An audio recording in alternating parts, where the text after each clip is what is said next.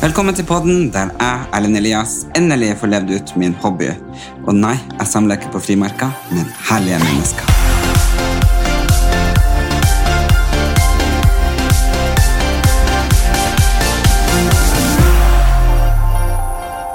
Og velkommen til nok en episode her eh, hos meg, han Erlend Elias. Og i dag så er jeg så heldig at jeg har et kjærlighetspar eh, på besøk, og eh, hvem er det ikke som ønsker en kjæreste nå? Midt i all galskapen og eh, den tida man kanskje er mest ensom i, når det er mørkt og det er kaldt og vinden suser og eh, regnet plasker. De her her, de møttes på en plass der ingen vind og ingen regn, men sol. Nemlig på Paradise Hotel. Litt av en reise. Tenk det. Altså, vi har jo tenkt litt på det at vi har det første møtet mellom oss, altså den første klemmen, det har vi dokumentert på tape. Altså, det kan vi vise i bryllupet. Den aller første klemmen. Det er ganske koselig. Det er faktisk det. Ja. Hæ? Det er kjempekoselig. Ja. Det er det faktisk. Så det har vært litt av en, eh, som sagt, en tur. En eh, helt, eh, et helt vilt eventyr. Og nå sitter de her og ser hverandre i øynene og drømmer seg Nei. bort. Og det er jo Kristin Gjelsvik og han er Dennis Poppe. Men de er jo eh, blitt kjent for så mye mer etter det, og de har jo holdt seg eh, kan man si i denne verden, de har holdt seg varm, eh, og det er jo ikke alle som har deltatt på Paradise. Eh, så det er, det er kult, og det har jo vært litt av en reise. Men først om vi starter begynnelsen. Jeg tenker vi starter med den eldste, og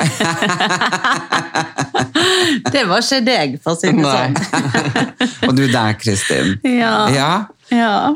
Man eh, hører jo at du er jo fra Bergen. Ja, altså Jeg er jo fra Bergen, og det er jo, er jo ikke alle som setter pris på bergensere. Min kjære samboer inkludert. Han liker jo egentlig ikke bergensere. Nei, jeg syns Bergen er en fin by. Det er bare bergenserne som ødelegger det litt. Herregud, tenk å si noe Ja, jeg vet det, men Det er ganske jeg- utrolig. Ja, jeg vet det. Jeg trodde liksom at det var dialekten du hadde problemer med, men han har faktisk problemer med bergensere. Ja, men de har problemer med alle oss andre òg.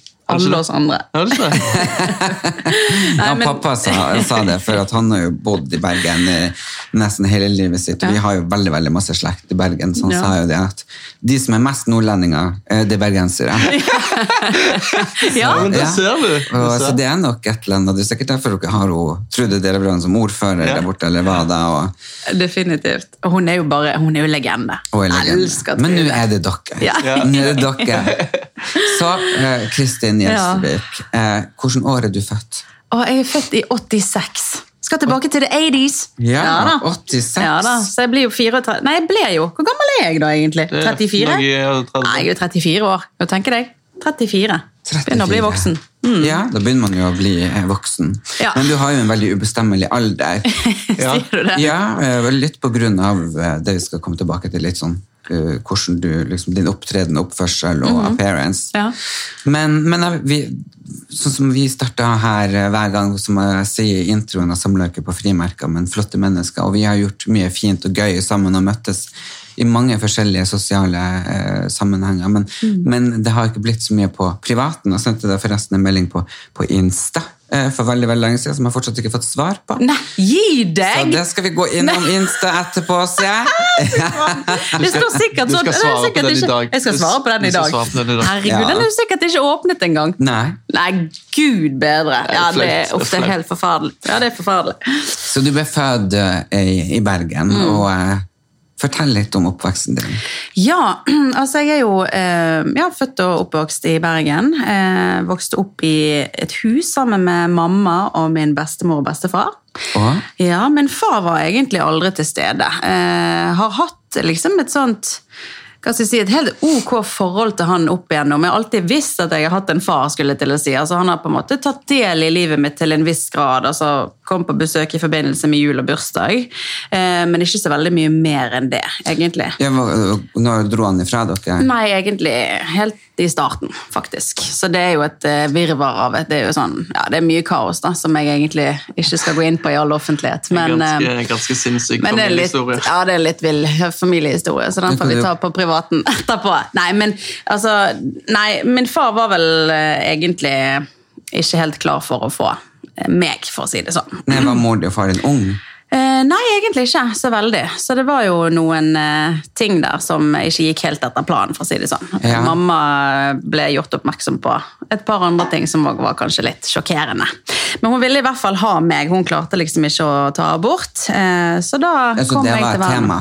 Ja, det var vel egentlig det. Altså, det var vel helst det beste utfallet, kan jeg tenke meg. At jeg ikke skulle komme til verden i det hele tatt. For han. For han, ja. For mamma var jo det bare livets gave. Og mm, for mine besteforeldre ble det jo veldig hyggelig å få et lite barnebarn i hus. Og min mor hun eh, har slitt med angst i veldig mange år, og det var mye av grunnen til at hun bodde hjemme i samme hus som mine besteforeldre. I en egen leilighet, riktignok, så det var jo tomannsbolig.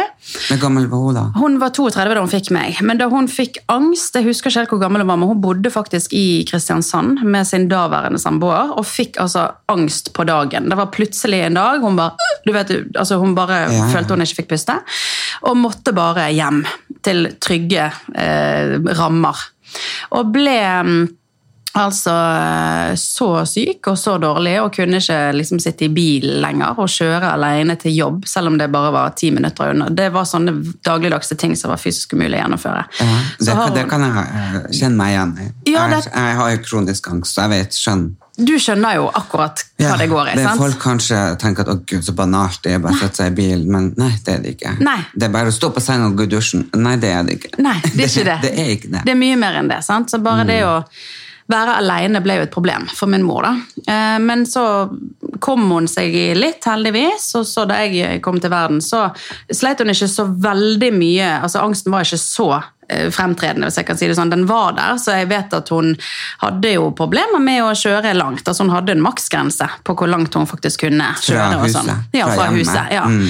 Og, og, og kunne heller ikke være alene hjemme med meg, så da var det viktig at mormor og morfar var der. Morf Hvorfor kunne hun ikke være alene med deg? Nei, for, eller, eh, for på grunn av angsten sin. da. Altså Ja, Hun var redd for at det ikke var andre i huset. Nei, Jeg vet ikke hvorfor, men det var vel heller det at hun, hun, hun trivdes ikke alene. Altså Hun syntes det var vanskelig. Så det å vite at mormor eller morfar var i underetasjen, det Men da- kunne da ha venner på besøk Ja og, og ja sånne da. ting? Så det var bare akkurat det å være alene? Ja, Være alene som ble et problem. da. Ja. Eh, Men hun møtte jo pappaen din da oppi sitt sykdomsforløp da.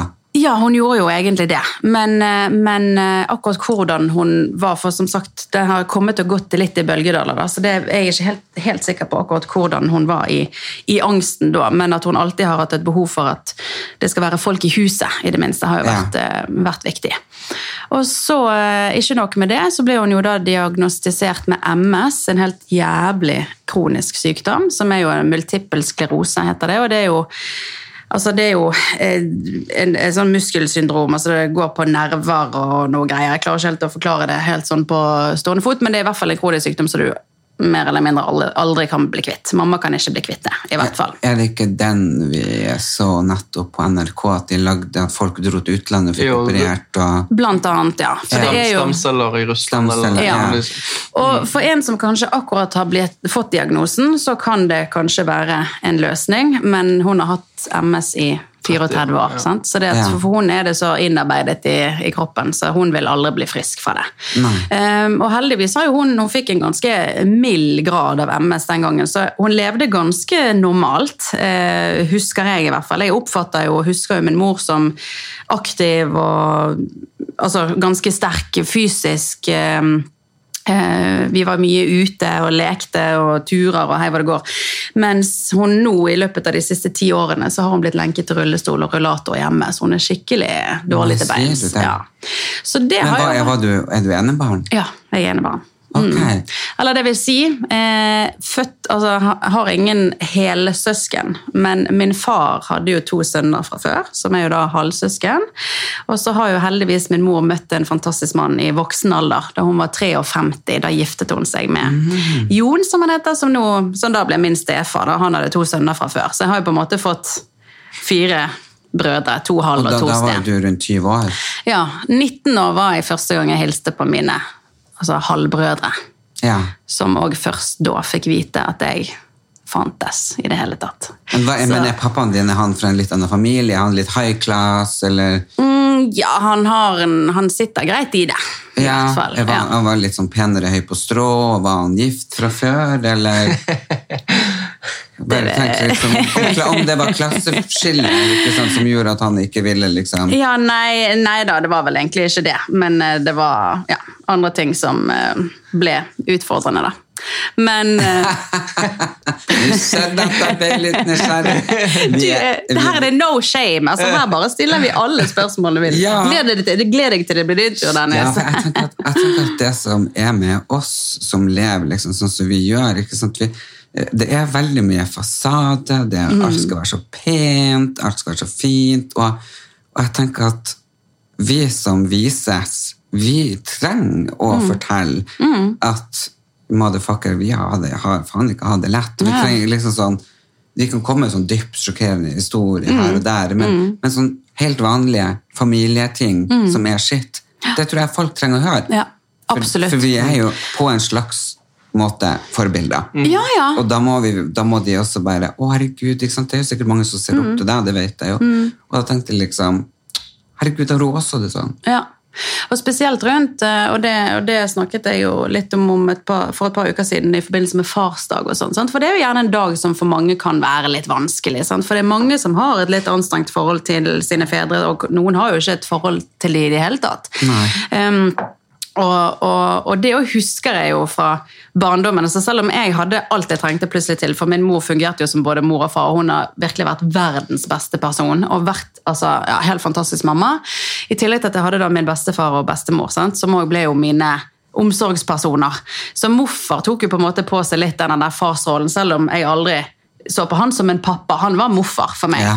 Men, men eh, det var jo alltid ukevis. Så var det brodering, og det var spikking på sløyden, og det var gaver til fedre og farsdagskort og i det hele tatt. Og da ble det jo aldri tatt liksom, det hensynet til at det kanskje var en eller to elever som ikke kom fra denne såkalte kjernefamilien. For den gangen var det jo ikke snakk om Vi snakket ikke høyt om skilsmisse eller noe som helst, og de fleste foreldre var sammen, og det var liksom 2,5 barn, og det var liksom sånn etter boken. Ja, og, og det, er- dessverre så er det litt sånn ennå. Jeg prater jo med, med min familie og, som går på skole, og litt sånn, og søstera mi er jo veldig bevisst på akkurat sånne ting på grunn av, av meg. Eh, og ikke sant, selv om jeg ikke har barn, så er det, jo, det er jo veldig mange som har to mamma, to pappa, bare ei mamma, bare en pappa. Så det er, det er veldig viktig. Ja. Og, og det tror jeg kanskje vår, vår generasjon lider litt mer av, for vi har jo ennå det der som sitter i oss bare shit, hvem jeg skal lage det, hva jeg skal gjøre. Og så blir det veldig mange spørsmål som barn ikke kan svare på. Ja, ja, det er klart det. Og selvfølgelig for et barn så er det jo helt uforståelig. Altså, sant, det er jo sikkert lett å, å bebreide seg sjøl for hvorfor ikke far her er det min feil. Sant? Er det noe man gjør gale som liten? Sant? Det er jo Men er han helt stor... norsk? Ja da, det er han. Så, for du er, jo, du er jo veldig norsk. Ja, og vet du hva? Men vi har tatt en sånn DNA-test på My Heritage. Altså. Ah, ja? For vet du hva, Det har vært litt sånn interessant. Jeg har vært litt nysgjerrig på det, for altså, jeg har jo hår som en mann, og jeg er jo eh, mørk som bare Så det. kom det du fram at du er egentlig en mann. Ja, ja, det var det som kom fram. Bare, vet du hva? Du er faktisk set- 62 mann, du. Og pappa, du er homo. Perfect match! Made in heaven. Men vet du, altså, da kom jo det resultatet tilbake, og jeg tenkte ok, oh, dette her blir spennende. Her er det mye eksotiske ting. Litt, litt fra Spania, litt herfra, litt derfra. Sant? For jeg har også en venninne som tok, og hun er jo iraner, men hun hadde jo 1 Eskimo, og hun hadde, hun hadde så mye gøy. da. Altså, Ja. den Listen var jo milelang. Så kommer min liste tilbake. Altså, Din liste var mer spennende enn min. Han hadde jo Hva var det du hadde? Det tar, det tar vi når du Ja, når du kommer på etterpå. Men, men eh, 4% italiener. Nei. Jo, 96% skandinavisk. Kødder du? Jeg ble så skuffet. Kan, men ok, 4 italianer, da. Ja, ja, men Så det, de er veldig fremtredende. men eh, nei da, min far er helt norsk, og i dag så vil jeg si at vi har et mye bedre forhold enn vi hadde den gang, og han har liksom kommet mer på banen, og spesielt etter at jeg ble mor, så har han liksom tatt litt mer del i, i livet mitt, på en måte, og vært mer interessert. Eh, så Men føler du at du måtte være litt uh, tidligere voksne siden mor di sleit og var syk? Kanskje. Og jeg tror jo egentlig det, ja. Så nå uh, Og samtidig så var hun jo aldri egentlig veldig syk foran meg. Altså Jeg kan telle på én hånd der jeg opplevde altså at hun var faktisk veldig fysisk dårlig. altså Pga. angsten så fikk hun også noen medisiner som absolutt ikke var bra. Jeg husker at hun var veldig veldig langt nede og mye dårlig. Og det var en gang, altså, og da kom jo gjerne mormor og liksom tok meg vekk fra situasjonen. Hvis, hvis, jeg husker en gang hun kastet opp av noen medisiner som hun ikke tålte. og Det var jo veldig traumatisk. Sant? og det å kaste opp, og Jeg ville ikke se at mamma skulle kaste opp, og det var helt forferdelig. Og da ble jeg helt hysterisk. husker Jeg altså, jeg måtte passe på mamma, og jeg måtte jo, herregud, hun kan jo ikke være alene. Um, og så husker jeg en gang jeg kom hjem eh, fra skolen, og da var jeg det var vel i forbindelse med en sånn skoleavslutning rundt juletider. Kanskje jeg var ni år, eller noe sånn, åtte-ni. Og da kom jeg hjem, og mamma var veldig veldig dårlig, men hun prøvde jo alltid å ta på seg smilet og være mamma. liksom. Og da sa jeg til henne at mamma, kan ikke du ta på deg litt rød leppestift, for da ser du så mye friskere ut. Og siden den dagen har hun alltid gått med rød leppestift. Så det gjør hun hver eneste dag, uten unntak. Nei. Så det er jo veldig søtt, og hun sier jo det sjøl at hun føler seg jo også litt bedre. Så på de dagene hun er skikkelig dårlig nå, da, for nå er det jo mye hun går med konstante smerter hele tiden, så tar Ja. hun på seg rød leppestift, og så føler hun seg litt fresh. da. Så det er jo litt sånn koselig. Det er fantastisk. Ja, det er faktisk det. Så. Ja, det var litt av starten av, av, av ditt liv. Men, Og du er Dennis pappa. Du er jo Ja, jeg har jo et eh, jeg er litt annerledes eh, liv. Jeg er jo fra den der kjernefamilien, føler jeg. Er du født i- Jeg er født i Ikke le, da. eh, 91. Skjønner du? 1991. Ja, Ja, ja. Mm. gud. Mm. Der har du Jeg er jo, jeg er jo på barnerov, jeg. ja, Fem år yngre. Det er de eldre som kan det, vet du. Ja. Men du har, fra dialekta di så er jo du ikke fra Bergen. Nei, men det verste av alt, jeg har jo snakket østlandsk, for jeg er oppvokst på, i Oslo. Er du det? Ja. Så når jeg var ett til fem år, så bodde jeg her i blokk eh, på Kampen sammen med mamma og pappa. Og så, Pappa jobbet jo i Nordsjøen, så det at jeg husker veldig at han var alltid vekke på julaften. og sånne ting, og så husker jeg at eh, vi flytta til Stavanger da jeg var sånn fem år. Og Da snakket jeg egentlig østlandsk helt til jeg var sånn 15-16 år og begynte å snakke med jenter. og sånn. For Det som er så kjipt, er at jeg klarer ikke å si 'rulle på r-en'. Altså, altså, jeg klarer ikke å rulle på, på r-en. Jo, og så snakket jeg østlandsk, og det er ganske en kjip, kjip eh, situasjon hvis du skal drive og prate hele tiden. Så da bytte jeg til Stavanger, og da, sant? da får jeg den skarre-r-en, og det funker for meg mye bedre. Så gøy. Ja, men da, For du har hatt en litt annen oppvekst. Ja, jeg, jeg har jo hatt eh, sant? Mamma og pappa har alltid vært der. Jeg har hatt eh, bror, søster. Sant? Den Typiske sånn, kjernefamilien. Vi alle spilte en sport i. Og, ja. De var sånn, sånn eh, superstrenge og fikk ikke drikke før jeg var 18 år. Og, ja, ja, så det er litt eh, andre, annerledes, faktisk. Ja. Det er hva foreldrene dine jobber med. Eh, mamma hun jobbet med noe sånn eh, eh, med noe eh, PC. Hun jobber ikke nå lenger, eh, men hun jobbet jo på noe sånn ABB Statoil-opplegg. Og så pappa jobbet jo som, som boreleder i Nordsjøen. Ja, Da hadde dere grei økonomi. Ja, det føler jeg. Mm. Men det var aldri sånn at jeg, jeg har aldri lånt en krone av mamma og pappa. Aldri. De aldri, men de har vært veldig flinke på to ting. Det er at Jeg har alltid fått det jeg ønsker meg til jul, og alltid fått oppleve fantastiske ferier. Ja. Det er de tingene. Jeg har aldri fått liksom, masse ting med ellers. Men, men det er de to tingene så jeg eh, føler jeg er ganske privilegert på. Hvem var du i kompisgjengen? Ah, det, wow. Jeg vet det egentlig ikke. Jeg følte jeg var han kule, men jeg var egentlig ikke han kule heller. Jeg var han som var best for fotballaget og best i gym. Men jeg, var, jeg tror jeg var litt eh, usikker pga. pratinga mi med den østlandsdialekten. For jeg var den eneste på skolen som snakket østlandsk. Og jeg klarte ikke å si R. Sant? Du, kan, du kan ikke si R. nei, nei, den. Jeg klarer ikke den. Så- Si R. Nei. R. R. R. Erlend. Erlend. Ja, ser du? Ser du? Det går ikke an. Nei, jeg vet det. Du kan jo si det. Nei. Rulle på R. Nei, jeg klarer ikke. Det går ikke. Jeg klarer det ikke. Det kan jeg klarer ikke. Vi, vi slapper av, så prøver jeg en gang til. Ok. R. R.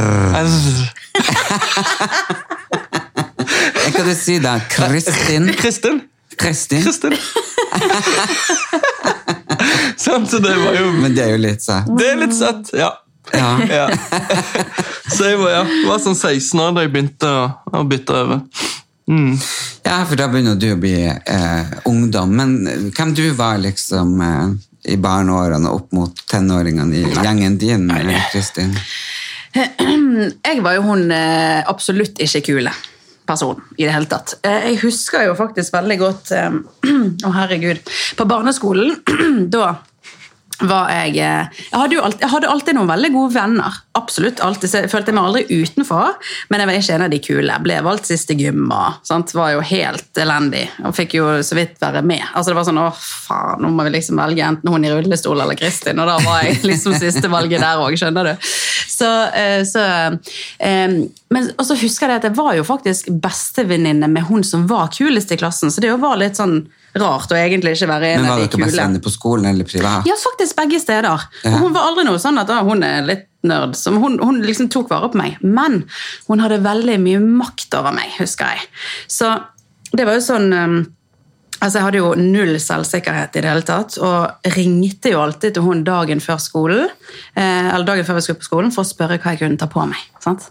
Når vi begynte å bli, bli liksom interessert i klær og sånn, og det var jo igjen de tre siste, to siste årene på barneskolen. sant? Ja. Nå begynner de jo enda tidligere. Men, eh, og da var det sånn, ok, da fikk jeg liksom klarsignal på å gå med den genseren og den buksen, og det var stort sett det jeg gikk med. Og mamma vasket det liksom annenhver dag og tørket det på badegulvet, sånn at jeg skulle ha liksom en helt ren bukse, den der Levis 501. sant? Ja da. Ja, Fikk du også alt du ønska til jul og sommerferie? Eh, nei, ingen ferier, egentlig. Vi ferierte bare på hytten, for mamma hadde jo angst. Sant? Så Ja. vi kunne egentlig aldri reise noen andre steder enn på hytten. Men for meg var jo det bare det nydeligste, beste stedet å feriere. Eh, kom aldri tilbake etter en sommerferie med liksom sydenminner og kofferten full av rastafletter, skulle jeg til å si. Sant? Men, men jeg kjente ikke på et sånt savn eller lengsel etter det. Og det var ikke så vanlig å reise til utlandet den gangen heller, så det var jo mange som hadde feriert på hytter. Men, men eh, noen hadde gjerne dratt til Bø i sommerland, som det husker jeg var liksom sånn åh, kanskje Ja. jeg skal dra til Bø en gang i livet, liksom. Men det var hytten for vår del. Men fikk eh, egentlig altså, alt det jeg ønsket meg til jul og bursdag. Og, så hun var jo veldig sjenerøs. Følte aldri at jeg var liksom noe bortskjemt. Men Men, klart, men jobba hun opp alt ja da, hun jobbet faktisk, og det var så viktig for henne at hun ville ikke la noe sykdom hindre henne i å gå på jobb. Så hun jobbet fulltid, 100 altså. Eh, Men eh, morfar kjørte hun til jobb og hentet hun. Altså sånn at hun ikke, det var denne bilturen som var det verste. da. Og ellers på jobb var hun jo sammen med folk. da. Men eh, så jeg husker det at eh, både jul og bursdag, da var det mye gaver og de tingene jeg ønsket meg, og hadde jo, manglet jo ingenting. Og det var nok sikkert litt kompensasjon fra mammas side for at vi ikke kunne dra andre steder enn på hytten. Men, men du har aldri sånn mye voksen alder, når du ser kanskje på Dennis eh, sin familie og det Mm. han har hatt, har du noen gang tenkt at faen, sånn ville jeg også ha det? Nei, egentlig ikke fordi at jeg hadde det så sinnssykt bra. Men hadde det vært en litt sånn Altså, Vi hadde en stor familie på mamma sin side. Hun hadde fire brødre.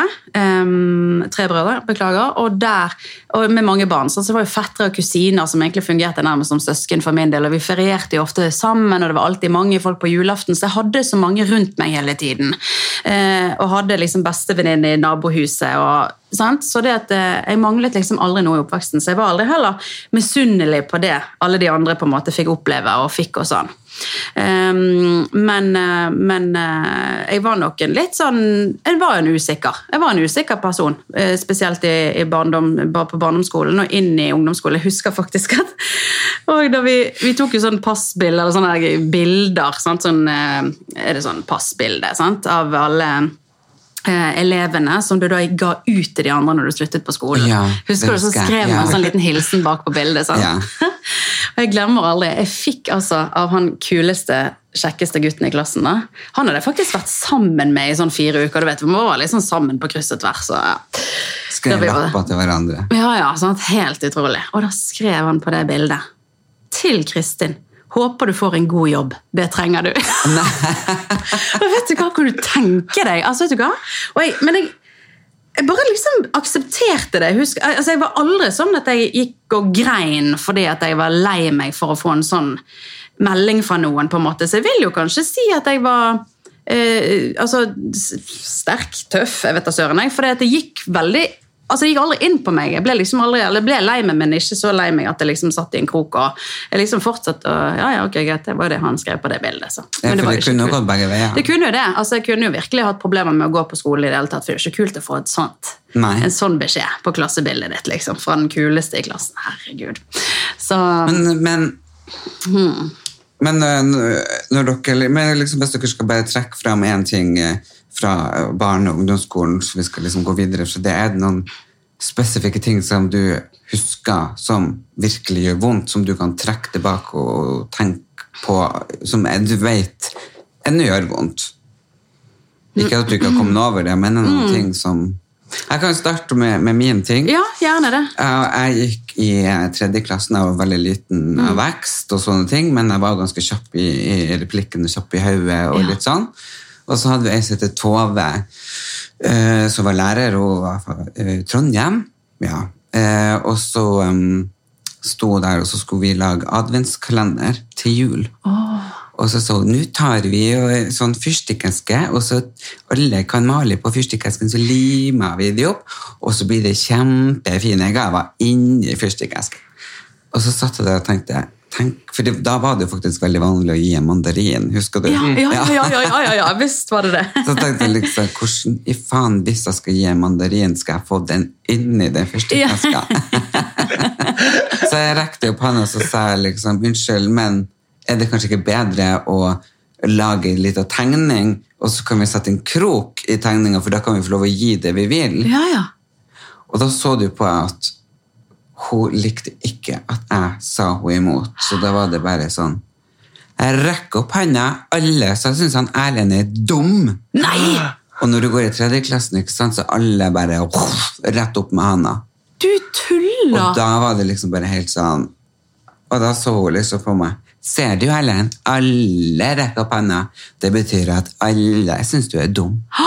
Og det sitter ennå i meg, liksom. Det er jo helt. Men det der, og, og, altså, og det der at hun heller da ikke kan eh, berømme deg for din kreativitet, og heller liksom applaudere det og si 'for en god idé', og så si det! Det er jo helt forferdelig. Ja, og, og, og det satt et stykke i meg, og det, det kan jeg kjenne på ennå. Liksom sånn. Ja. Det er ikke sånn at jeg gråter nå i dag, men Nei, nei. jeg ble sånn Jeg tror det forandra noe i meg med det å tørre å si ifra. Ja.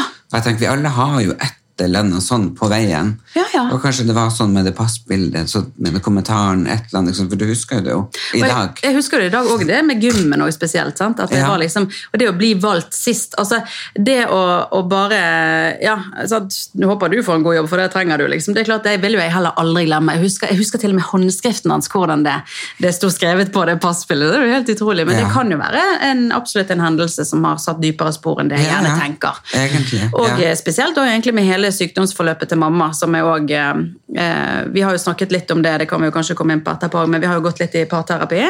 Og da snakket vi òg litt med hun, eh, hun, eh, hun fantastiske damen liksom Kom vi litt inn på det med sykdommen til mamma, for jeg blir veldig sånn hvis Dennis sier at han eh, er litt dårlig, eller noe sånt, så er det sånn 'herregud, du er ikke syk, kutt ut, skjerp deg'. Ja. Sant? Jeg vet hva syk er. for Jeg meg, vet hva syk er, på en måte, sant? fordi at jeg har opplevd sykdom på nært hold. Liksom. Så det der eh, snufseforkjølelsen din, kom an, skjerp deg, liksom. Sant? Og det har vært det samme med meg. Jeg har jo aldri vært, hatt en sykedag fra jobb.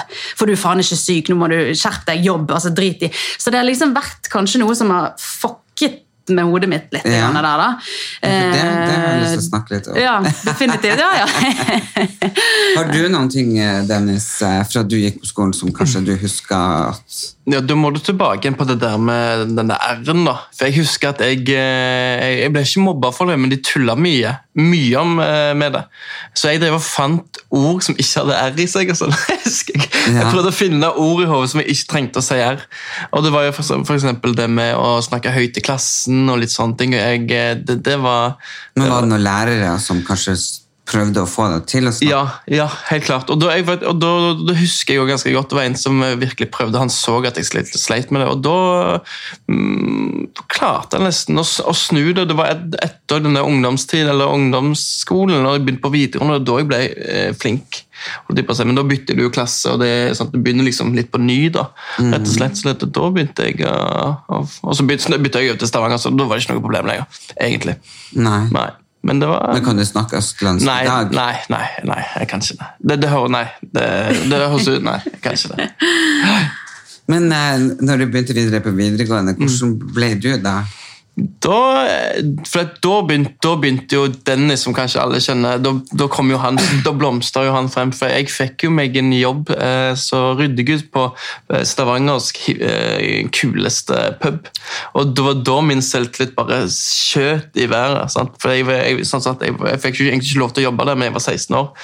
Og der jobbet jeg til, der jobbet jeg nesten i åtte år. Sant? Det var Nei, det, jo, jo, sånn den- du begynte å Nei, jeg selvfølgelig jobbet meg opp, begynte i, i servering, bartender, altså. Ja. Men da, og det, da, jeg husker de, de, de guttene, de mennene som jobbet på den puben, de har en egen sånn selvtillit. Du ser, hvis du går ned der, så ser du den der typiske Beverly-selvtilliten. Den er, det er en helt spesiell. Så jeg føler jeg, mye av meg, det har jeg av den eh, puben, faktisk. Ja, der du fikk liksom Helt, helt oppbakking. klart. Og... Masse damer og Ja, men var det mye, liksom, var det mye damer når du jobba der? liksom? Selvfølgelig. Jeg, jeg, selvfølgelig. Alltid. Den lange krø- Av og til så følte jeg meg litt sånn småmisbrukt når jeg kom hjem. Altså 50 år gamle damer som tok meg litt på, på, på ræva og litt sånt. Det var helt sprøtt. Ja, var det noe litt sånn eh, så Hvis du hadde jeg har vært i dagens samfunn, og, og eh, jenter har vært litt sånn metoo Ja, ja, 100% 100% 100% Flere ganger. Ja, ja. Mm. Men eh, det var òg at du brukte, benytta deg av sjansene av og til. ja, av og til. Herregud. Jeg, jeg følte meg som en stjerne. Du gjorde det? Ja, ja, ja. Hvorfor tror du det? så? Jeg vet ikke. Det var bare noe med den der, den der selvtillitsboosten. Det var, jeg tror jeg hadde mer selvtillit å jobbe på puben enn det jeg fikk av å være på TV. Det, det tror jeg. Ja, Men du drakk ikke da når du jobba? Nei, egentlig ikke. Jeg drakk ikke. Mm, veldig sprøtt. Men hva du, Kristin, begynte når du du, du, du begynte på videregående, du òg? Ja, begynte på videregående. Først var det ungdom, ungdomsskolen, og da havnet jeg jo helt ute i et helt galt miljø. Da var jo jeg ute i rusen med Hva en gang. skjedde? Det er kjemperart, for jeg har liksom tenkt litt på det. Hva var det som skjedde? For det er ingenting altså sånn... For Det høres ut som du levde veldig beskytta med Ja, mamma, ja. bestemor og bestefar, hytte, veldig sånn familiært. Veldig. Selv om far din ikke var det, så høres du veldig sånn beskytta Ja, ut. og det var jo det var liksom sånn Du vet, Det kommer fra en familie der vi bare klemmer, og vi kan aldri si vi er glad i hverandre eh, for mange, mange nok ganger. sant? Altså Det har vært ja, utrolig beskyttet. Så det gir, altså det gir egentlig ingen mening at jeg begynte å eksperimentere med det i det hele tatt. Men jeg fikk meg en uh, ny bestevenninne som begynte da i Dette var i tiende klasse, da. Ehm, og som kom inn da i den klassen, kom utenfra og var jo bare dødskul. Og jeg hadde jo aldri vært hun kule. Men han som skrev det der på, på bildet mitt, han eh, kom faktisk bort til meg eh, altså, da vi hadde akkurat begynt på ungdomsskolen igjen, for da hadde jeg fått meg Buffalo-sko med 60-bukse i, i løpet av sommerferien. Ja. Og det var jo nok til å plutselig bare høyne Ikke sant, der hvor mye klær, ja. Ja, da, helt utrolig. For så det var jo det man gjerne målte det opp i da. Eh, og da liksom Ok, nå begynner du å bli litt kul. Og sånn. Jeg bare, ok, uhu, jeg var 60. slank og ja, altså jeg var jo, men jeg var jo altså jeg brukte størrelse 24, altså jeg var jo sånn, men, men jeg var for tynn. altså Jeg var bare en bitte liten fis. Så jeg hadde jo ikke selvtillit pga. det. Fordi at, altså Jeg husker det at det gikk en sånn myte om at hvis du spiser mye pommes frites, så får du litt sånn tjukkere legger. og sånn. Så det der, sant? Så jeg spiste mye pommes frites, for jeg hadde så tynne legger, og jeg ville jo fylle ut støvlettene. sant? For jeg hadde støvletter, og jeg var jo sånn pipestilker. da. Ja, da hadde jo ingen former, ingenting. Men, men i hvert fall i tiende da, så begynte hun her. Og hun var så kul. Hun var god i sport. Hun så bra ut. Men hun var mer sånn her boy, boyish. Litt sånn eh, ja, som tomboy. Sant? Litt sånn seggebukser. Og det var jo veldig kult på den tiden. Jeg hadde jo rastafletter og uh, South Pole-bukser og var bare uh, gangster-bitch, liksom. Og følte meg så kul når jeg da ble venninne med hun her. Og hun var så respektert på skolen, og guttene så opp til henne og sånn. Så jeg ble altså så påvirket av dette mennesket, og hun hadde jo eksperimentert med litt av hvert. da. Og hun introduserte jo meg for Det var nesten en slags forelskelse. av- Ja, så bare sånn, wow, denne her, å jeg ser så kul hun er. Det var sikkert det, for jeg hadde aldri vært sånn kul i det hele tatt. Så kanskje det å være med en så kul person som hadde litt eldre venner, og du vet, sant? Ja, bare... Bodde du i bykjernen? Nei, jeg bodde ikke, nei, jeg gjorde faktisk ikke det. Altså Midt mellom Flesland, altså flyplassen, og sentrum. Sant? Så det var jo sånt ja. lite sentrum midt i, på Nesttun heter det da. Og det Ja, var jo litt belastet område den gangen. Det var, vi hang på Baker Brun på røykerommet der og sigget, og alle spleiset på én skillingsbolle, liksom, for ingen hadde jo penger. Sant? Og da satt vi der og sigget 20 på rappen og ja, begynte å røyke ganske tidlig. Og det gjorde jo egentlig hele det kullet mitt det året. Vi fikk liksom ofte kjeft fra eh, lærer og rektor at liksom vi er det verste kullet noensinne, for alle sigget og gikk opp på haugen. Vi hadde sånn haug på, på ungdomsskolen der, da, folk røykte jo, så det altså, ja, Helt utrolig. Så vi var litt eksperimentelle på den tiden. Men, eh, men eh, Ingen av de andre gode vennene mine i klassen holdt på med noe annet. Altså ingen dop i det hele tatt. Men bortsett fra hun her, da. Og jeg ble jo da invitert litt med. det? Det begynte jo med hasj, stille og rolig. Um, og det var jo egentlig bare inngangsbilletten til resten. Og da havnet jeg jo fort i det miljøet, sant? og det er veldig fint miljø veldig ofte. Sant? For det er en gjeng, og det var eldre folk, og alle tar egentlig veldig godt vare på hverandre. Og jeg følte meg kanskje sånn sett for første gang, da, sånn av både gutter og men andre jenter. Og jeg bare liksom, ok, jeg er en av de kule. sant? Vi Ja. er kule folk som driver med drugs. Og så førte jo det ene til det andre, og det ble amfetamin, det ble ecstasy, det ble eh, rypper. Det er jo det jævligste. altså Jeg har jo fortsatt svarte hull fra det, ungdomstiden. Min, det er Ryopnol? Ja, ja, ja, det er jo voldtektsdop nummer én, egentlig. Ja. Og hvorfor man tar det, må jo gudene vite, for du husker jo ingenting. Du blekker jo ut. Eh, og da hadde jeg noen år med ellevilt eh, dopmisbruk, faktisk. Men jeg klarte på Hvor mange år? Nei Nesten fire, kan jeg tenke meg. Og da Fire, fem. du visste mor di om det her? Nei! Det var det som var så sinnssykt. Fordi at hjemme var jeg pliktoppfyllende, snille, greie Kristin. sant? Gjorde ingenting gale i det hele tatt. Og jeg klarte å skille de to verdenene så godt at mamma, ingen fattet mistanke om noe som helst. Og det var nesten litt skremmende altså sånn på et tidspunkt. For så, Og det som også var egentlig grunnen til at jeg kom meg ut av det, i det hele tatt, det var fordi at jeg hadde løyet så mye om hva jeg gjorde på og hva jeg skulle. For jeg bodde jo altså herregud, jeg bodde jo hjemme. Men da jeg begynte å bli 16 17, da er det ikke sånn at du har barnevakt. sant? Nei. Du er jo stor nok til å ta vare på deg sjøl. Og mamma møtte jo da sin eh, fantastiske mann. Så hun var jo litt hos han i helgene og sånn som det. Og jeg bare så jo det på en mulighet til å faktisk bare drive med mitt Ja. opplegg. sant? Og det var altså, jeg, hva, jeg tør ikke å tenke på hvor mye ecstasy-tabletter jeg har poppet i trynet opp Hvordan Hvilken følelse får du når du tar en ecstasy? Nei, det vil jeg jo nesten ikke snakke om. Fordi at det er jo klart at du Det er jo en grunn for at folk gjør det. Jeg skjønner jo hvorfor folk blir narkomane. Fordi at det blir jo Det er jo en rus som er jo nesten Det er nesten vanskelig å forklare. De sier jo det at dop er jo så godt at det ødelegger livet ditt. Ja, Det det det ja, og det er jo klart at det var jo en helt sånn euforisk, eh, sinnssyk opplevelse. Sant? Men, en, en, men, en, men med en jævlig nedtur. Sant? Og det er jo det som også er problemet når du er så inne i det, spesielt med amfetamin og sånn. Vi brukte jo aldri kokain, det var jo for dyrt. Men med amfetamin så får du altså en så jævlig avtenning, som de kaller det. Så du kan gange fyllesyken din med 100, og du bare spyr, og du er altså så jævlig dårlig. Så det var jo gjerne grunnen til at jeg da begynte å røyke, så røykte jeg litt dagen etterpå, og så tok vi mer og mer og mer, og Så helgene begynte du å gå i en Ja. vond spiral. så gikk det en spiral, og, men de løgnene var det verste. For jeg hadde jo, elsket jo mamma så høyt og ville jo være pliktoppfyllende og fin og snill på hjemmebane. sant? Så, men så begynte jeg å liksom rote det helt til på skolen, og de begynte jo å Elevene i klassen, eller noen gode venninner av meg som gikk i en annen klasse, de så jo at jeg var jo helt fjern. Sant? Og ville jo sende meg til helsesøster, og ryktene begynte å gå. Og, sant? og så Uff, ja. Men, men, men opplevde du noe vondt i den tida?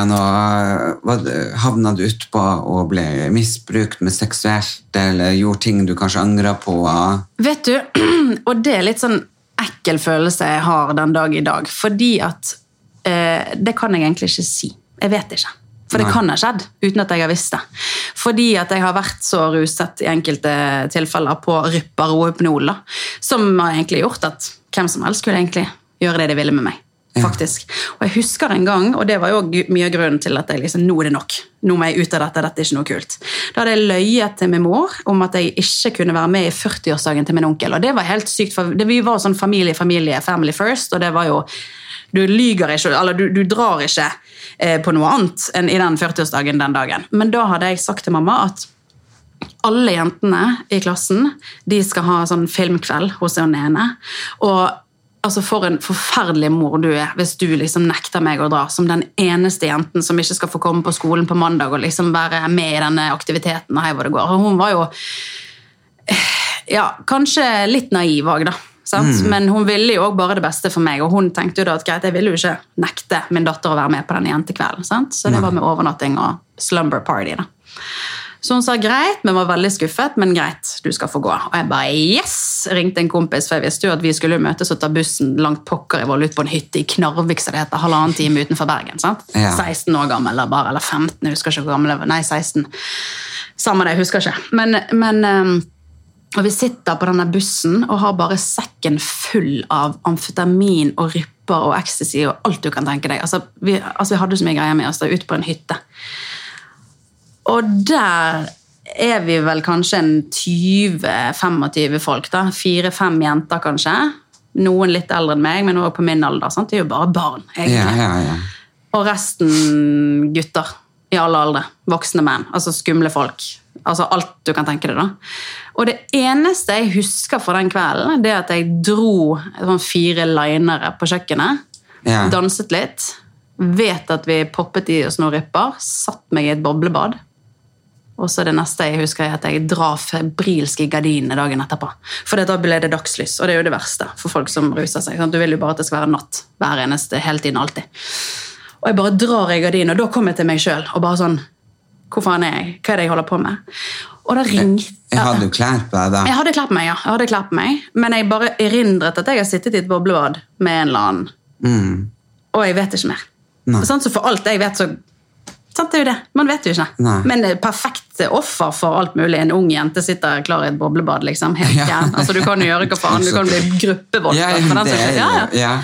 Så, må jo si det er et under at du sitter her. ja, det er jo nesten det. Du kan jo faktisk tenke det på, si det på den måten. Og jeg husker altså, når jeg dro i de gardinene, da bare kjente jeg dette her er det, Fy faen, så ekkel jeg er. Altså, Så ekkelt dette her er. Dette er jo ikke et liv jeg kan leve, liksom. Hva faen? Nei. Og så ringer jeg til mamma. og Jeg har glemt hva jeg har sagt. Så bare, hei mamma, du kan du komme og hente meg i Knarvik, liksom. Knarvik? Hva er det du gjør der? Du er jo rett borte hos Og da ble det bare Da begynte det å balle på seg, og da Nei, uff, det er så Og der begynte kortene å komme på bordet. Ja, og da tror jeg Da fortalte jeg alt òg, faktisk. Og da hadde jo jeg òg fått Da hadde jeg blitt tatt i stjeling òg på Nesttun-senteret, og mamma hadde fått melding om at det, Nei, vet du hva, det var så mye greier. Jeg var helt ute. Sant? Mistet det fullstendig. Det var helt Ja. jævlig. Og det skal man jo egentlig ikke tro, sånn som man kjenner deg i dag. Men, men da skal man jo egentlig tro det var motsatt. Litt sånn, ikke sant? Med deg, eh, Dennis. Ikke sant? Du, litt sånn wow, chill. Sant? Hår og tatovering og wow. Men, men, men da jobba du altså flere år på en pub uten å drikke. Ja, ja. og kan du eh, Hadde du noen sammenligning med henne? Nei, kanskje, du kan ikke sammenligne den engang. Jeg hadde. Jeg hadde så Foreldrene mine hvis jeg, kom, eh, hvis jeg klarte å lyge og komme unna med det, så var jeg faen meg heldig. Jeg Av og til så elsket jeg at pappa reiste offshore. Jeg klarte å lure mamma av og til. Men jeg klarte aldri å lure pappa. Nei. Så jeg, jeg kødder ikke, når jeg kom hjem fra skolen, så var det Jeg hadde en stoppeklokke. Som jeg måtte gjøre lekser i én time hver eneste dag. Selv om jeg hadde gjort leksene, så måtte jeg bare gjøre lekser i én time. Når den stoppeklokka det var ferie, da kan, måtte jeg eh, skifte og gjøre klar til fotball. For fotballtrening fire ganger i uka. Og så når jeg kom hjem, så var jo klokka syv. Sant? Og da, jeg, jeg kunne ikke være ute lenge. jeg fikk ikke lov til det. Så da var, det var liksom min uke. Det var eh, skole, komme hjem, gå tur med hunden, lekser. Eh, fotball, middag, og eh, så får jeg kanskje en time eller to til hva jeg vil på, på kvelden. Ja, Det var- det, det er jo det var- det var det. natt og dag. Ja, ja, fullstendig. Så nå når vi liksom snakker om ja, våre opplevelser fra ungdomstiden, det er jo som du sier, natt og dag. Det er to vidt forskjellige utgangspunkt eller historier. Eller egentlig utgangspunkt er jo mye det samme, selvfølgelig ikke kjernefamilie for min del, men vi har foreldre som elsker oss og vil oss det beste. Og så kan man likevel ta to så forskjellige retninger. Så det er jo litt Ja. interessant. Og det har jo også presisert i senere tid, for jeg hadde jo et større intervju med VG om akkurat denne rushistorien min, og sånn, og det var så viktig for meg å presisere at det var aldri mamma sin feil. Hun gjorde aldri, hun sviktet aldri. Sant? Hun Nei. var så til stede. Nei, det er tilfeldighet. Det er tilfeldig, og selv da er det også viktig for andre foreldre å vite at det er ikke nødvendigvis din feil, kjære mor eller far. eller, sant? Ja. Fordi at eh, det der kan skje, eh, Guds beste barn, eh, at de plutselig finner et eller annet Ja. interesse i mm. Og så blir dere litt eldre, og så da er jo da eh, vi alle begynner å bli kjent med dere, for da eh, er dere på Paradise Hotel. Hvor gammel var dere når dere ble med? Jeg var 20, du var var 25. 25. Jo, det er jo 25, det er jo litt voksen. Ja, jeg var jo en av de eldste. Det var jeg og Stian Staysman. Vi var jo de eldste der inne. Det var jo Ja. samme sesong. Ja, hvor mange år siden er det nå? Ti- Nei, 2012. 2012? Ja, ok. Åtte år, Åtte år. Ja. Ja, snart ni år. Ja. Ja. Mm. Eh, Hvordan fant dere på, hvordan fant du Dennis på at du skulle være med der? Nei, Jeg var jo den perfekte Paradise-deltakeren på den tiden. Jeg jeg var jo faktisk, og, ak Ja. og akkurat det året der så var det den de tok en sånn litt sånn twist, og de tok seg liksom de bartenderne, modellene, de tok en snekker, en skater, og litt, husker du det? Det var liksom sånn som Stian Staysman. Han var jo ikke den eh, typiske Paradise-deltakeren, men det var faen jeg. Ja. Jeg husker jeg syntes det var litt kjekt. Ja, men du, altså, du kan tenke deg altså, Folk sto i kø, de der isblå øynene. Altså, Ja, så det, jeg er rett fra puben rett til Mexico. Og det, ja. Har, men hvor, har du noe utdannelse? jeg er utdannet fagmann eh, som industrisveiser. Ja? Ja. Og du? Ingen utdannelse. Ingen Livets skole, utdannelse. skulle jeg til å si. Mm. Du, du har gått videregående? Ja, det videregående har jeg gått, så der har jeg jo bestått. Har jo et greit eh, sånn vitnemål, det det heter. Men jobber nå dere med Jobber du med utdannelse? Ja, ja, eller jeg, eh, jeg var jo eh, skal, hva, hva man skal si, Jeg var jo lærling eh, i et verft som sveiser. Eh, tok fagbrevet. Eh, hadde en periode der jeg, vi bygde en plattform på det verftet. og Da fikk jeg eh, to uker på og to uker av. Og mens jeg jobbet de to ukene av, så jobbet jeg på puben eh, i tillegg. Ja. Så, og så når jeg var ferdig med utdanningen min, da var det egentlig, egentlig rett til Mexico. Hvor lenge var dere i Mexico? Var det åtte, ni, ti uker? Noe Ja, men Jeg- jeg- Vant dere? Nei, nei, nei. nei. Jeg, var, jeg var der i 28 dager. Pluss ei uke, for jeg var med fra start. Så det var med ei uke før vi sjekka inn, og så var jeg der i nesten en måned på hotellet. Og du var der i fem dager mer enn meg. Oh, ja, ok. Ja. Men, hvordan begynte dere å få følelser der inne? Hvor lang tid etter dere Jeg valgte jo Kristin. For at jeg eh, Jeg ble ikke valgt sist! Nei. Du gjorde ikke? Men eh, jeg, jeg, merker, jeg kom inn og så merker jeg at hun var litt mer Hun hadde den der energien. den der litt sånn Nei, Jeg merka bare en energi. og det husker jeg tenkte at det, Hun der bergenseren nede i høyrehjørnet, hun, hun hadde noe jeg likte. Ja. Så Da valgte jeg hun, og så Ja, hvor lang tid tok det for dere eh, Nei, altså Jeg fornektet jo de følelsene lenge. Altså Jeg skjønte jo at han her er jo en eh, sjarmerende fyr. sant? Og han var jo en sneaky jævel. sant? Og han får jo sikkert alle altså, hvem, alle faller jo pladask. Sant? Når du begynner med de der blikkene dine. og de greiene. Men jo, for, for meg var jo han for ung. Herregud, jeg skulle jo ikke ha noe sånn fem år yngre bartender, player fra Stavanger. Er du gal? sant? Og jeg hadde jo denne her klassiske listen. sant? Han skal være fem år eldre, han skal ha den jobben, han skal ha den bilen, han skal ha et sånt hus, han skal være sånn. Du vet den idiotiske listen som aldri som regel funker for noen. sant? Ja. Ser du etter de tingene der, så ender du opp singel til du dør. sant? Men jeg liksom klarte å gi litt slipp på det da, og bare gi meg hen. Så bare kjente at her er det jo faktisk wow, det er jo følelser på gang. sant? Det var da heller at du ikke klarte å holde Ja, jeg klarte ikke å holde tilbake Gi slipp på følelsene. Jeg klarte ikke å holde tilbake. Ja, men jeg, jeg ga slipp på de det der, du vet, sånn den der, eh, drit i den listen. Jeg begynte dere å rote der inne? Ja, det var lite roting. Litt Dere lå ikke sammen? Nei, Men Nei du- gjorde faktisk ikke. Nei, Ikke? men, nei, men men det var litt tafsing uten at kamera så det. Vi fant en blindsone en gang. liten- Da ble det en liten, en liten greie. Jeg Men var ble dere livredd. Jeg ble litt betatt, ja. Men det skal sies at jeg har jo egentlig Jeg er jo en kjærestetype. Jeg har jo alltid hatt kjærester eh, hele livet mitt. Eh, Så jeg hadde egentlig kjærlighetssorg når jeg kom inn på hotellet fra tidligere forhold. Og så jeg husker, den, jeg husker det veldig godt at dagen jeg møtte Kristin, så tenkte jeg ikke på det lenger. Det er ganske svært. Jeg tenkte ikke på den kjærlighetssorgen dagen med Kristin. Uh, og Derfor så var jeg egentlig jeg, jeg var ganske betatt, og så ble det jo ikke, ble ikke bedre akkurat i løpet av ukene vi var der. Nei, det var jo til slutt var jo det sånn det, altså, For jeg var jo veldig sånn Jeg skal ikke ha sex på TV, og det er bare det verste du kan gjøre ever. sant? Så, Men man kjente jo på Det var jo sånn Nei, vi var der i to måneder, Dennis. Eh, Jo, vi var det. Er du sikker på Ja, det? jeg er helt sikker på det. Okay. Vi var der i, for vi var der i over måneder? åtte uker. Ja, åtte uker, to måneder. Ja. Jeg har rett på det. Og det er jo klart at det er jo sånn to måneders langt forspill, det her. Foreplay. Altså, du, du, øh, du bygger jo deg opp jeg en dusjer sånn jo naken hver dag. Så så roper han på meg. Jeg bare, Kristin, kommer herlig. Så kommer jeg ut i gangen, så står han der i dusjen med sånn halvfeiten, bare halvstående opp. Og jeg ble jo Ja, du gjorde det. Var det for Piro? Ja. yes. Bare kom og se hva du kan få. Ja, ja. Og det var sånn Ok! Der var den, ja. Ja. Right, ok. Ja, for det må jo være litt spesielt å være på Paris og være så intim, og dere ligger som i seng med en dere egentlig ikke kjenner. Ja, ja, ja. Og, eh, og samtidig, man, jeg har jo vært med på en del reality show selv, ikke Ja, ja. sant? så jeg vet jo hvordan det er. Man blir jo ekstremt fort kjent. ja. Og du blir fort glad i folk Ja. rundt deg, sant? Veldig. Så Men, men, når, men når det her ble, var slutt og dere dro hjem, hva som skjedde da? Oh, den, Du jeg husker jo at du eh, Jeg røyker jo før hun eh, røyker ei uke før. Eh, Og da var Var jo sjalu da? Når hun Nei, egentlig nei, jeg var jo bare lei meg. At nå skal jeg ikke henne mer. liksom. Så det at, men eh, med en gang du setter deg på det flyet, så, så nå tenker du bare åh, familie, venner litt, sånn Du glemmer litt den situasjonen. Du kommer litt ut av den bobla, for du er jo i en boble. Og så eh, Ei uke går, da skal jeg ned og kjøpe øl med noen kompiser, og vi skal drikke litt, og da plutselig får jeg en telefon fra Mexico at der, er- der er hun. Og jeg bare Wow, shit, ja, det var, det var du. Hva, hva, hva skjer? Ja. og da hadde hun røket ut eh, og fått uh, nummeret av en uh, ja, han er en deltakeransvarlig. del deltakeransvarlig. ja. Og, og han, du lovte vel han å ikke ringe før du var i Norge. Ja. Norge. Du, Jeg brøt det løftet. brøt- det sånn. ja. Jeg ringte jeg bare 'Jeg er ute! Jeg kommer og møter deg nå!' Altså, Jeg var helt sånn, jeg måtte bare se For du var jo fortsatt i den bobla, ikke Ja, sant? og jeg gikk jo i sorg. Jeg satt jo bare og grein. Jeg var den jævligste deltakeren de har hatt der inne. Jeg satt bare og grein i en uke i strekk. skjønner du? Og, Ja. altså, jeg, jeg måtte gå med solbriller. Jeg hadde de mest opphovnede øynene ever. sant? Og Det kom inn en ny deltaker og lurte på hva faen som feilte meg, for jeg satt jo bare og grein i en krok. sant? Ja. Helt jævlig.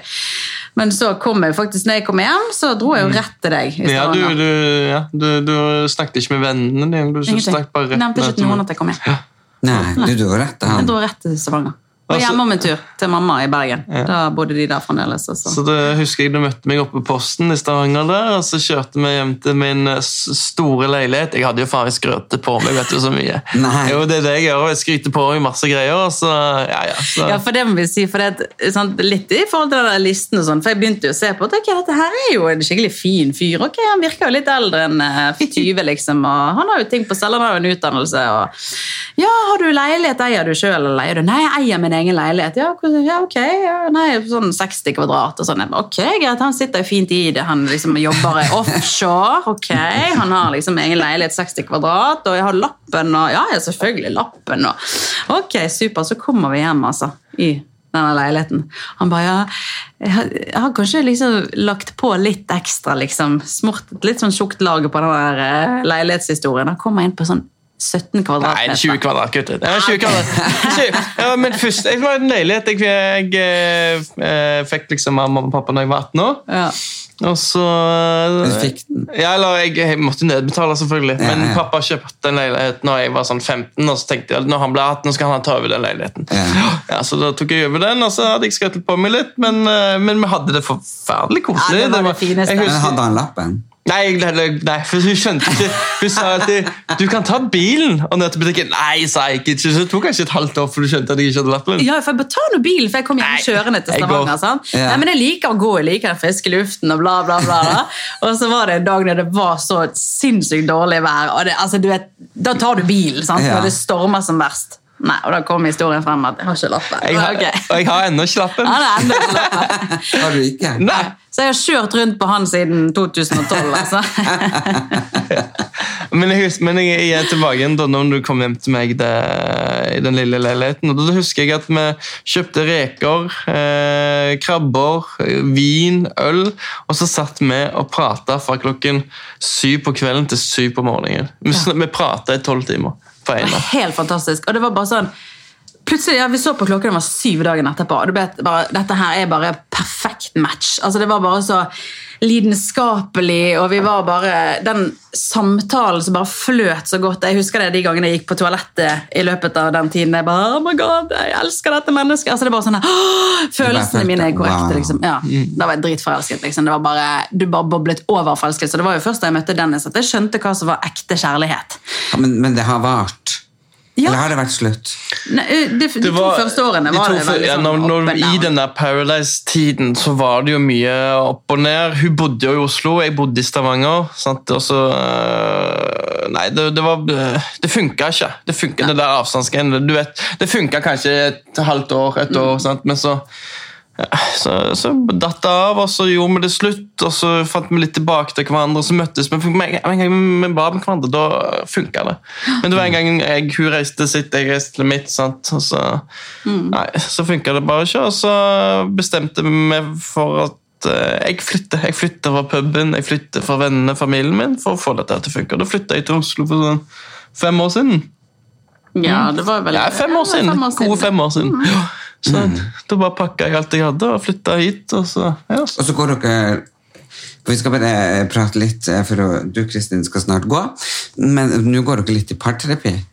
Ja, vi gjorde det før eh, before covid, for å si det sånn. Og Ja. Man skulle jo kanskje absolutt eh, fortsatt med det i covid times, men de timene vi hadde der, var veldig eh, viktige for Ja. oss. Spesielt sånn med tanke Hva som fikk dere til å gjøre det? her? Det var jo rett etter ungen. og litt sånn. Så det Ja, var jo litt sånn eh, De sier jo det at det der er null til ettårsperioden. Overlever, dere det, så overlever, dere alt. liksom. For det, det er veldig lite søvn, og det er, det er mye greier. Og så var det litt sånn dårlig stemning, og det, ting ble så mye verre da. Når du har en Ja, så Hvis jeg får, får ta den nå, Kristin. Hva, eh, hvordan var det å, å være gravid?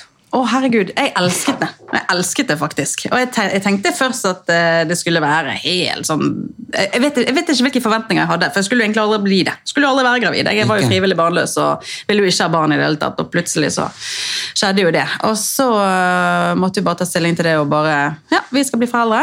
Og jeg elsket å gå gravid. Nå gikk jeg jo gravid i all eh, hemmelighet i syv måneder. Gjorde du det? Ja, og så avslørte vi det jo på Vixen Blog Awards, eller Influencer Awards, eller hva de kaller det nå. Eh, I, i fjor må det ha vært, da. For fjor. Mm. fjor. på- Men, men eh, For du er jo Du har jo eh, Hvordan andre reality har du vært med på? Herregud, hvor skal jeg begynne? Camp Culinaris, Robinson-ekspedisjonen. Der har vi vært sammen. Ja. Ja. Eh, Torpet, bloggerne eh, Hva annet? Det er noen flere ting. Ja, skal, du, skal vi danse? Ja, ja. Skal vi danse var du med i høst. ja. Hva, hva er det fineste du har vært med på? Å, herregud. Jeg syns Camp Culinaris det var skikkelig, skikkelig fint. Det likte jeg. Og det er første sesong. Første sesong, ja. Ja. Det var jo eh, sikkert litt sånn testsesong, og det var ikke så strengt som jeg tror det var året etterpå. Og Ja, det var- de to årene etterpå, To- ja. Ja, ja, det var det. Men for da var det, det var liksom Linni Maistad, Alexandra Joner og Kim Kolstad, Svein. Jenny Svein, sant? Altså, det var bare Gromgjengen, vet du. Det var så koselig. Så jeg kjente at det var et nydelig program å være med på. Koste meg skikkelig. Men jeg tenker, vi eh, må jo eh, du, du er jo i travel dame, eh, men så vi er jo bare nødt til å prate litt om, eh, om deg. Eh, og jeg snakka med litt folk før vi skulle i dag, og så spurte jeg liksom om hva jeg skal spørre de to om. Og, og det som kom opp eh, veldig ofte, at jeg måtte, måtte spørre deg om, Ja. eh, det er jo hvordan er det egentlig å sitte inne med så sterke meninger om alt? Ja. Og jeg skal være så korrekt eh, ut av eh, på det du sier, på det meste. ja. um, altså Og hvorfor Ja. har du så sterke meninger? Ja. Nei, men vet du Det hva? er det, det som kommer opp. Ja, og det skjønner jeg jo, og det er egentlig et spørsmål som jeg også stiller meg sjøl. Jeg tror Dennis så ofte er sånn hvor, må, Why? Altså, hvor kommer det fra? Og det er noe egentlig nå Jeg er i en sånn periode i, i livet der jeg prøver å finne ut av det. sant? Eh, fordi at det er jo noen ting altså jeg, jeg har jo mine tre ting på en måte, som er liksom mine hjertesaker, da, som jeg liksom kjenner et sånt genuint engasjement for. Det er flyktningkrise, som jeg er helt inne i, som jeg vil mene mye om og snakke høyt. Det er alt dette kroppspress, debatten, skjønnhetspress, denne bransjen som vi er en del av, som jeg på mange måter egentlig misliker. Eh, og så er det eh, nå, etter jeg fikk barn, så har det òg vært liksom eksponering av barn i sosiale, Sosiale medier. medier, Ja, ja. og den kommersielle utnyttelsen. Legger du de bilde ut av barnet ditt? Nei, jeg gjør jo, altså Det har vært et bilde her og der bakfra, men vi har jo ingen kommersiell tilknytning til han overhodet. Og vi skal ikke kapitalisere på barnet vårt i det Du hele skal tatt. ikke ha noe sånn Ingen spons, ingenting. mamma til Nei, nei, Nei. ikke i det hele tatt. Og det syns jeg er liksom noe Og dette har jeg snakket litt om. Jeg skal snakke mye mer om det, men jeg holder på med noe nå. Jeg holder på med en kronikk, blant annet, så jeg har lyst til å liksom ta litt tak i det. Men jeg vet jo at jeg kan fremstå som Veldig bastant.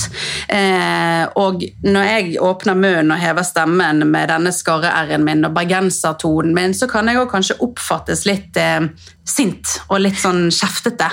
Ja. Eh, og for min del så er det jo egentlig aldri min mening å være kjeftete og sint, men jeg er bare så vanvittig engasjert. Ja. Og jeg tror at man skal være flink til å liksom skille det der kjeftesmellet, pekefinger og det genuine engasjementet, fordi at det kommer jo fra eh, altså Det handler om at jeg bryr meg, til syvende og sist. Sant? Det handler jo om hvis man da tar påvirkningskraft, da, eh, som har jo på en måte vært der jeg har skreket mest, det handler jo om at du til slutt kommer til et punkt etter endeløse innbokser. Du får så mye meldinger fra ungdom, voksne, som sliter så mye med selvbildet sitt sant? på grunn av det de blir eksponert for rundt omkring.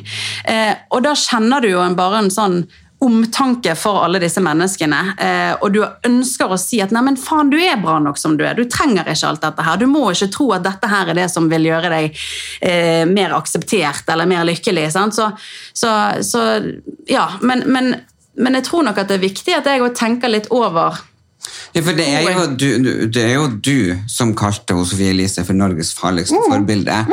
Og det er du som eh, kanskje er grunnen til at hun nå eh, har skrevet ei bok eh, der hun hva hun selv eh, mest bøker i absolutt alle sjangre i hele Norge.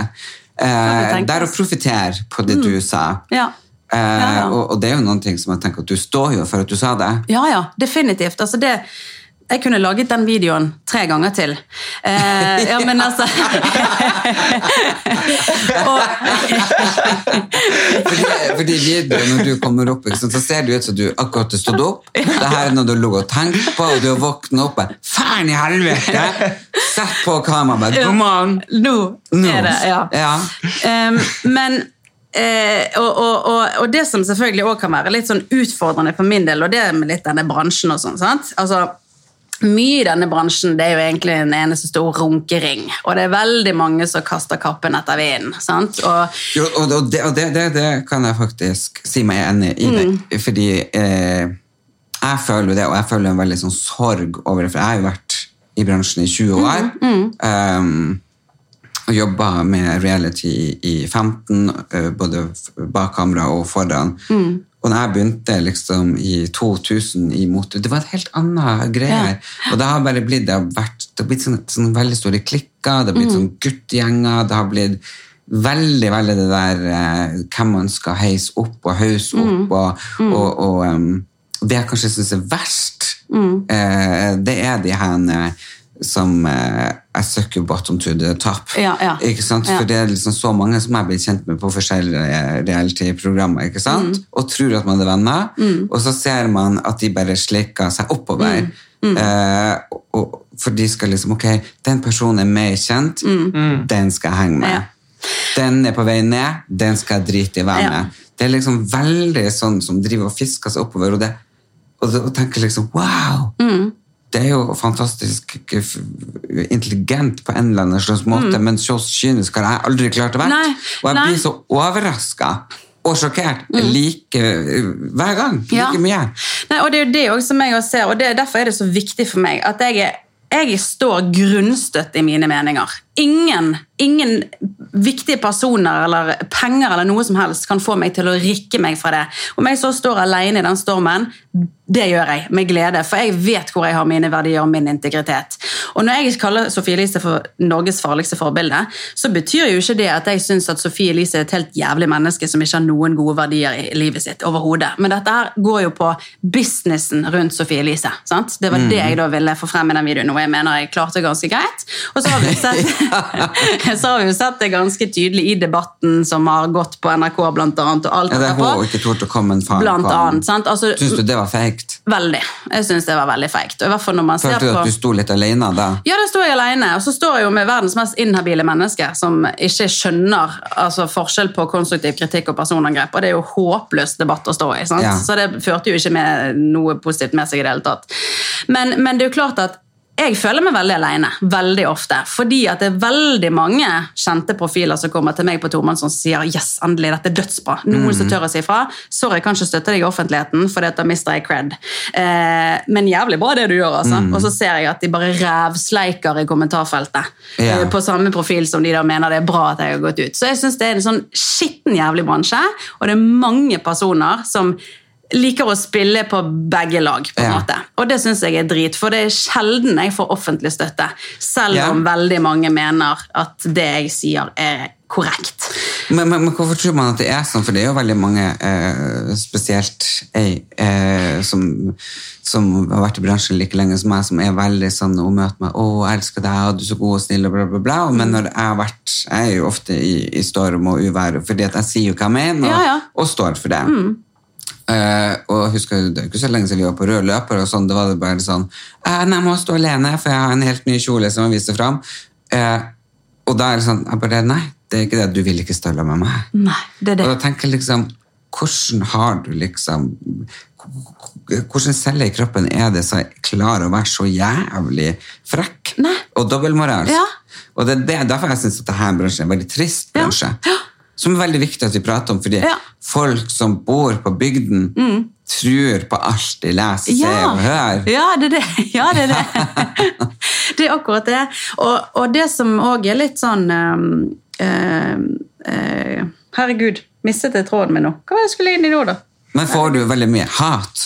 Nei, egentlig ikke. Jeg får veldig mye Det vil si, jeg får hat av sånn 13-åringer som som Mm. ikke vet bedre. Eh, og veldig mye velformulerte, gode tilbakemeldinger fra oppegående mennesker, føler jeg. da. Men Så- det er vel veldig mange eh, Eller Ja, det er vel at, Sofie Elise har vel ikke ytra at dere er venner? Nei da, og nei da, absolutt ikke. Og, vi, eh, og, og det vil vi nok sikkert eh, aldri komme til å bli, og for meg er det helt greit. da, fordi at jeg, selvfølgelig Hun har sine gode kvaliteter. Vi har vært på et vennestadie tidligere. Og det er jo også det som selvfølgelig også er vanskelig i denne bransjen. at Hvis man blir for gode venner med hverandre, så kan man jo selvfølgelig aldri kritisere hverandre heller. Og det er business vi holder på med, alle. Vi driver millionbedrifter, alle mann. Ja. Og da må man også kunne, selv om vi er venner, så må vi kunne også stille hverandre kritiske spørsmål. Det syns jeg er viktig. Det er bare bra for videre utvikling. Um, uten at det skal på en måte bli, bli skalert ned til en bloggkrangel og bitching mot den ene og den andre. Og det er viktig at vi kan være venner selv om vi er uenige i Ja. forskjellige ting. Em, og så er det veldig mange sånne herregud, kvinner, vi må hylle hverandre, vi heier på hverandre, og kvinner bare hater kvinner hvis vi liksom kritiserer hverandre. Det handler ikke om det. Selvfølgelig skal vi heie på hverandre, vi skal heie på hverandre når vi fortjener det. Jeg mener ikke at bare fordi vi er kvinner, så skal vi heie på hverandre og alt det vi gjør, for vi er jo tross alt jenter, og jenter må henge sammen og flette håret på hverandre. Det er sånn, fuck off! Vi må faktisk kunne kritisere eh, kritikkverdige handlinger uten at det skal på en måte være sånn, å fy faen, du er så jævlig kjip, og du er bare misunnelig, du er sjalu, og du bitcher. Sant? Hvor mange ganger hører ikke du det hvis du, sier en sterk, altså hvis du har en sterk mening om Men, men så blir er det jo veldig lett å havne eh, sånn som ikke sant, Man har så bestandte meninger, så plutselig så sier du mikropenis, Mm. Ja, ja. og så Ja, ja. plutselig da, sant, da skal de ta deg tilbake. Ja, selvfølgelig. Og det òg, herregud. Altså, og det er jo en episode jeg lar meg jo langflatt for. Det er jo ingenting, Man skal ikke haslerere med det i det hele tatt, da. men der òg er jo det en del av en større kontekst. Altså, Dette her er jo en historie, jeg skal få gjøre en veldig lang historie veldig kort. Det handler jo til syvende og sist om en ekstremt egoistisk mann i sengen. sant? Ja. Som faktisk etter to Altså, vi hadde holdt på i så mange måneder, aldri hatt sex i det hele tatt. og Det hadde bare bygget seg opp en sånn sinnssyk forventning til denne dagen og alt mulig. Han kommer på besøk til meg hele veien fra Danmark. Vi skal ha tidenes helg. Ja. Han legger seg oppå meg. Og så var jo det da, Han var ikke helt, eh, han var ikke utstyrt med den største penisen i verden, men det hadde ikke hatt vet du hva? Det, men for å si det sånn, det hadde ikke vært et problem, det. Hadde han bare brukt litt tid på meg. Ja. Han jokket på meg i tre og et halvt sekund. Ah, stønnet, og så rullet han av. Ja. Og så la han armene bak hodet. Tusen takk, det var digg. og jeg bare, jeg bare øh, Hva faen skjedde her nå? Sant? Det, det, så det er jo hele Ja, så det er jo en litt sånn sleivete kommentar, men så, så er det selvfølgelig noen av de moralpolitiet som passer på at ok, hun har gjort det, Ja. så de, de kanskje leter i sanda etter et bitte lite korn som Ja. de skal få ta deg på. Endelig, der tok vi om på dette. Og ja, sleivete kommentar, og det er jo en sant, sleivete podkast og sitter bare og snakker med en venninne, og vi tenker jo ofte at oi shit, vi er jo bare venner som hører på, og så blir det litt dumt. Sant? Eh, og, men så hva gjør jeg da? Jeg legger meg langflat. Jeg kommer med en uforbeholden unnskyldning. Sletter episoden. Det er det jeg i hvert fall kan gjøre i retur. sant? Mm. Ja. Jeg fortsetter ikke å bare snakke om masse mikropeniser i ettertid. og liksom, Nei, sant? Skjønner du det. Så det handler jo om at man da innser at jeg har gjort en feil her, og alle kan feile. Det var det dummeste jeg har gjort og sagt. Skulle aldri sagt det på den måten, men som sagt, det var en del av en større historie. Og alt som skjedde etter den dårlige det- det- sexopplevelsen, det òg er jo noe som har gjort at jeg kanskje bitchet litt mer over den eh, penisen hans i utgangspunktet. For hele fyren var jo altså det var ikke Ja. bra, for å si det sånn. Men, men hvem det er, jeg husker ikke nå, det som du har vært mest i, i sånn diskusjon og disputt med, det er jo Sofie Elise, og så det er en blogger til. Jeg vet ikke. Kanskje, er det ikke Isabel Rad, da? kanskje? Jo, Isabel Jo, Rad. jo, Isabel Ja. Rad, selvfølgelig.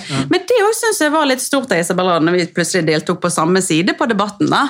Ja. For så innså jo hun, for hun opplevde det jo helt i starten som sånn herregud, jeg blir mobbet, og det er personangrep og sånn, og så skjønte hun jo det at nei, det handler jo ikke om meg som person, det handler om måten jeg driver business på, for det er jo det det går i til syvende og sist. Ja. Men ja, det er klart at det er vanskelig å skille, for det er personer som driver disse bedriftene, gjerne med samme navn. Så det er vanskelig å skille det der. Det er jo veldig vanskelig, Mm. eh, for, for, for vi er jo oss sjøl, og, og, og, ja, og hva Mm. Vi kan gjøre. Jeg har jo operert nesa, fettsugd halsen og Botox. Ikke Ja, sant? ja. Men eh, jeg har jo ikke liksom flasha det på den måten. Men samtidig så jeg vet jo ikke, Du har jo ikke tatt meg på det, men kanskje det er for at jeg var jo i midten av 30-åra når jeg gjorde det. Og, jeg var, øh, og det var jo ting som øh, Nesen ikke sant, hadde jeg jo hatt skikkelig komplekser fra jeg var liten. Det var liksom kalt Pinocchio og i det hele tatt. Pluss var knekt fem ganger av Ja, ja. eksen min, så den måtte opereres. Ja. Og så var det den dobbelthaken. sånn at uansett hva jeg gjorde, gikk jeg bortover sånn arvelig. Liksom. Jeg bare Ja. følte at ja. Ja. Men, og så var man jo plutselig over 30 år, og så tenkte jeg vil jeg gjøre det. Ja. Og det, er jo, og det har jeg heller aldri sagt at man ikke skal få lov til å gjøre det man vil. Men det er noen ting man må da tenke på hvordan dette kommuniseres ut til det publikummet sitt. Og ja, du satt ikke med med tolv år, eh, 12 år gamle Nei, jeg har stort jenter. sett 55 gamle damer som følger med. Ja, sant? Så det er jo en litt annen story, og hvordan man velger å legge det frem. Sant? For du trenger ikke å flashe det og putte på en rabattkode i samme slengen. Nei, det Det er det, det som er problemet. Ja. Og det er jo den normaliseringen av det som har vært liksom der skoen har trykket for min del. Fordi at man tror at dette her er det som skal til for å bare bli akseptert. At folk plutselig da får komplekser som de egentlig aldri har hatt, fordi at noen plutselig bare planter det i hodet ditt. Og det er der problemet ligger for min del. Sant? At man plutselig gjør folk oppmerksom på at oi, dette med, som gjorde utgangspunktet for den videoen i utgangspunktet, når det da plutselig var eh, hårfeste som var for høyt. Og det er sånn plutselig begynner folk å tenke over at Helsike, er det òg noe Jeg begynte å tenke på det. Jeg jeg begynte å tenke på shit, kan jeg, kan jeg faktisk uh, tatovere litt sånn her i Viken? Ja, ja, men sant har det! det. Ja, ja, og, er der. og grunnen for at jeg da skriker høyt om dette, det er for alle de personene som etter å ha lest et blogginnlegg eller sett en video eller eh, sett en instapost, går til speilet for å studere om de har en fin nok vagina eller et greit nok hårfeste. Det er Men, men du har jo aldri lest bloggen hennes, men det er jo av at media Selvfølgelig. er jo veldig flink til å repetere bloggen hennes. Ja, ja, definitivt. Så du kan jo Men Kristin, hva er det du jobber med? Hva, hvor er inntektskilden din? Nei, det er jo social media in general. Så det er jo eh, både blogg, Instagram, eh, de tingene man gjør der, i tillegg til litt sånn TV-ting og andre Ja, ting. Har du noen nye prosjekter? Ikke akkurat nå. Kanskje. Det blir spennende å se om det blir noe av. Men, men eh, Skal vi danse skulle jo være mitt store prosjekt i høsten. Det gikk jo ikke helt etter planen. Jo, du sånn. kom, du kom jo et stykke. Kom til program fire. Ja. Men jeg har vært med sjøl òg, og det er det beste jeg har vært med på. Jeg er bare lei meg for at jeg var ikke innstilt på det. Nei, det er jo akkurat det. Eh, Nå eh, må vi ha med noen faste spalter eh, Ja. til deg, Kristin. Å, herregud, ja. Kristin, tre ting du ikke kan leve uten. Åh, kaffe. Snakker vi om ting eller personer nå? Ting. Ting? Så her må vi bare kjøre på. Ok. Kaffe. Tørrsjampo. I maskara. Eh, største fobi? Mareritt? Eh, Kemneren.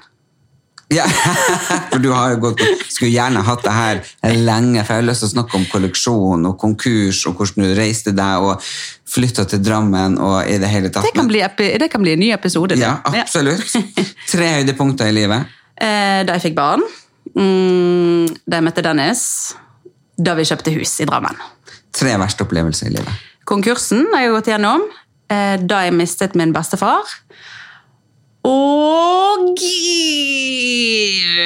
kommer, og de røk ut av Skal vi danse. det er jo forferdelig. Du sidestiller det med liksom konkurs og eh, dødsfall. Det, Ja. Da er du inni det. Marry, fuck, kill, og det må være norsk. Ja. Du kan godt eh, ta eh, Jeg er veldig kjønnsnøytral i programmet, så Ja. det kan godt være jente eller gutt. Og så en liten begrunnelse bak. Ja. Uh, Mary Synnøve Skarbø, faktisk. Hun er bare tidenes råeste dame. Og så er hun så organisert, og jeg trenger eh, orden i livet mitt, for det er så kaotisk. Så jeg Ja. faktisk giftet meg med Synnøve Skarbø. Eh, jeg hadde eh, Fuck, ja. Mary, det har jeg tatt. Fuck mm, Ja, hvem skulle det vært, da? Å, herregud, det er vanskelig. Det er vanskelig. Det er kjempevanskelig. Jeg kommer bare på en engelsk. Jeg, må, jeg kan ikke si engelsk person. Hvem det er? Charlie Hunnam. Nei, han har aldri hørt om, så han må ha en norsk. Å, herregud, Han spiller jo Jackson i Sons of Anarchy. Nei. Nei, ok? En norsken, å herregud, kan du gi meg et tips? Gi meg en. Kjekkas. Ah, Herregud, er ikke det dårlig? Jeg kommer ikke på det. Stian Blipp. Nei. Nei. Men eh, la oss si eh, La oss si eh, jeg, jeg klarer ikke å komme på noe. Det er Han forferdelig. fra Ex on the Beach. Han den, eh, Em, men ja, vi, sier, vi, vi bare sier han Adrian, da. Jeg kan navnet. Ah. Han Adrian Sellevold. Ja, ja, kunne, ja, ja. Det tar vi Adrian. Vi tar Ja, det blir sikkert gøy ja, vi tar sex. Adrian. Det blir sikkert kjempegøy sex. Eh, eh, kill eh, Ja, det, det er for obvious hvis jeg sier Sofie Elise. Eh, men kanskje jeg hadde gjort det likevel. ja. Og helt til slutt, Ja. favorittlåten din. Oh, of all times. Mm. Å, herregud.